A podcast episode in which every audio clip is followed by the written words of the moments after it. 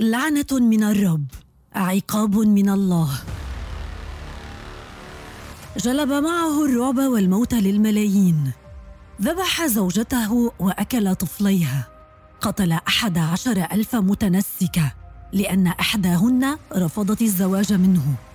سحق دولا كبرى وأباد سكانها. وفي النهاية قتله الجنس. اتيلا الهوني. لعنة من الرب. ولد اتيلا وشقيقه الأكبر بليدا لعائلة من طبقة النبلاء الهونيين مطلع القرن الخامس. وكان عمهما الملك الهوني روجيلا والهون هم من شعوب آسيوية أوروبية أصلها من آسيا الوسطى. يرتبطون بالعرق التركي الذي زحف من آسيا الوسطى لأوروبا. وقد كان الهون مجتمعا بدويا من الرعاة المقاتلين. بليدا وأخوه كانا مقاتلان شديدان وعندما توفي الملك روجيلا عام 434 خلفه ابناء أخيه في الحكم واستمرا بالحكم معا عقدا من الزمن إلى أن قرر أتيلا التخلص من أخيه فقتله وتفرد بالحكم عام 445 وحش في صورة إنسان. كان الهون يتمتعون بسمعة بشعة للغاية كما كانوا خطيرين من الناحية العسكرية وقد عرف الهون بهجماتهم لخاطفة المميتة. ففي عام 441 أطلقوا هجوما على بلدة كونستانتا في رومانيا. فأسروا كل سكان البلدة وذبحوهم في الطرقات وملأوا الشوارع بجثثهم. ثم توجهوا إلى بلغراد فأهلكوها بأكملها. ولم يستطع أحد إيقافهم ليضطر إمبراطور الشرق لطلب اتفاقية سلام. دفع بموجبها جزية تقدر ب 157 كيلوغرام من الذهب سنوياً. كي يوقف غضب أتيلا الذي لشدة بطشه وجبروته أطلق عليه سيف مارس إله الحرب عند الرومان. عام 443 شن هجمات في عمق الإمبراطورية الرومانية من جيش قوامه 500 ألف مقاتل. كل واحد منهم يملك شجاعة تمكنه من زعزعة دولة بأكملها.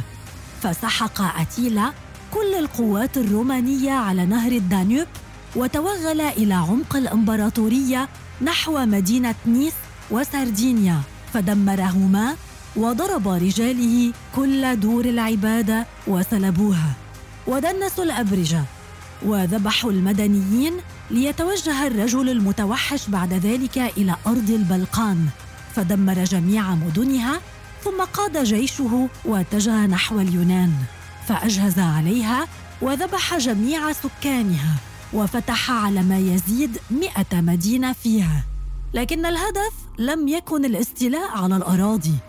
بل نهب ثروات الأمم وقتل سكانها إذ لم يكن الهون من معمري الحضارات بل من مخربيها.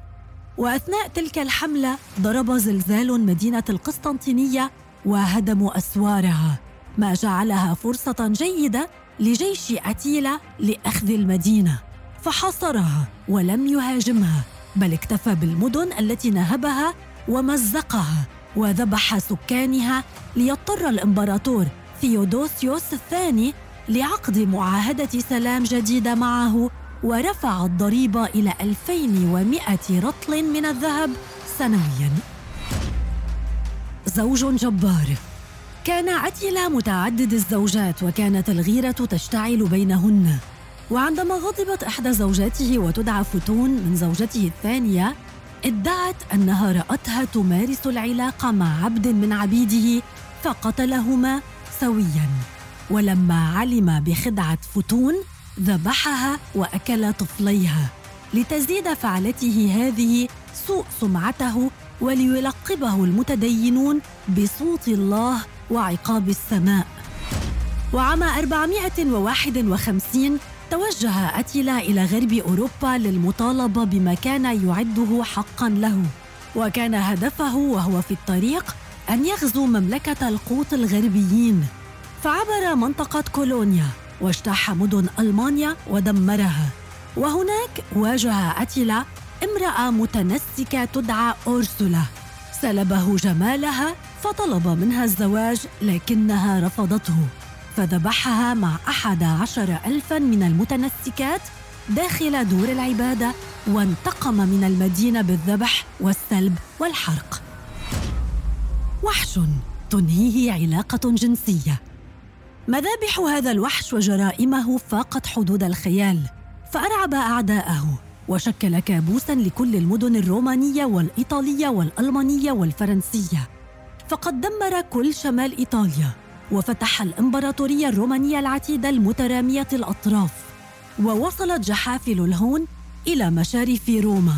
وعند عودته من معاركه وحروبه تزوج فتاة جرمانية بارعة الجمال تدعى ألديغو وأقيمت لهم مراسم الزواج على طريقة قبيلة الهون لتكون تلك الليلة نهاية الوحش إذ لم يخرج من غرفة عروسه أبداً.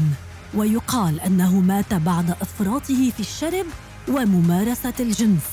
وأيضاً يقال أن عروسه وضعت له السم في الكأس وقتلته لا سيما أنها كانت سبية من إحدى حملاته القاسية على بلاد الجرمان.